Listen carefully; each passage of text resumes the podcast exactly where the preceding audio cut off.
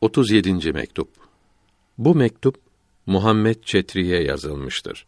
Sünnete uymak lazım olduğunu bildirmekte ve tasavvufu methetmektedir. İhsan etmiş olduğunuz latif mektubunuzu okumakla şereflendik. Büyüklerimize olan imanınızı ve sevginizi yazıyorsunuz. Bunu okuyunca Cenabı Hakk'a hamd eyledim. Allahü Teala bu yolun yani tarikatin büyüklerinin bereketi, faidesiyle size sonsuz yükselmeler nasip eylesin. Bunların yolu her şeyden kıymetlidir. Sünnet-i seniyeye uymaktır. Ala sahibe salatu vesselam.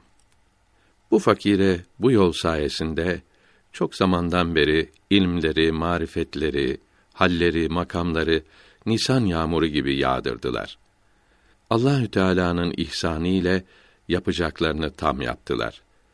Şimdi bütün arzum peygamberimizin sallallahu aleyhi ve sellem unutulmuş sünnetlerinden birini meydana çıkarmaktır. Tasavvufun halleri ve mevacidi kendinden geçmek, heyecan ve zevk isteyenlerin olsun. Yapılacak en mühim iş batını, kalbi, ruhu büyüklerin sevgisiyle yaşatıp zahiri hisleri, hareketleri sünnetlere uymakla süslemektir. Farisi Mısra tercümesi. İş budur. Bundan başkası hiçtir. Beş vakit namazı vakitleri girer girmez kılmalıdır.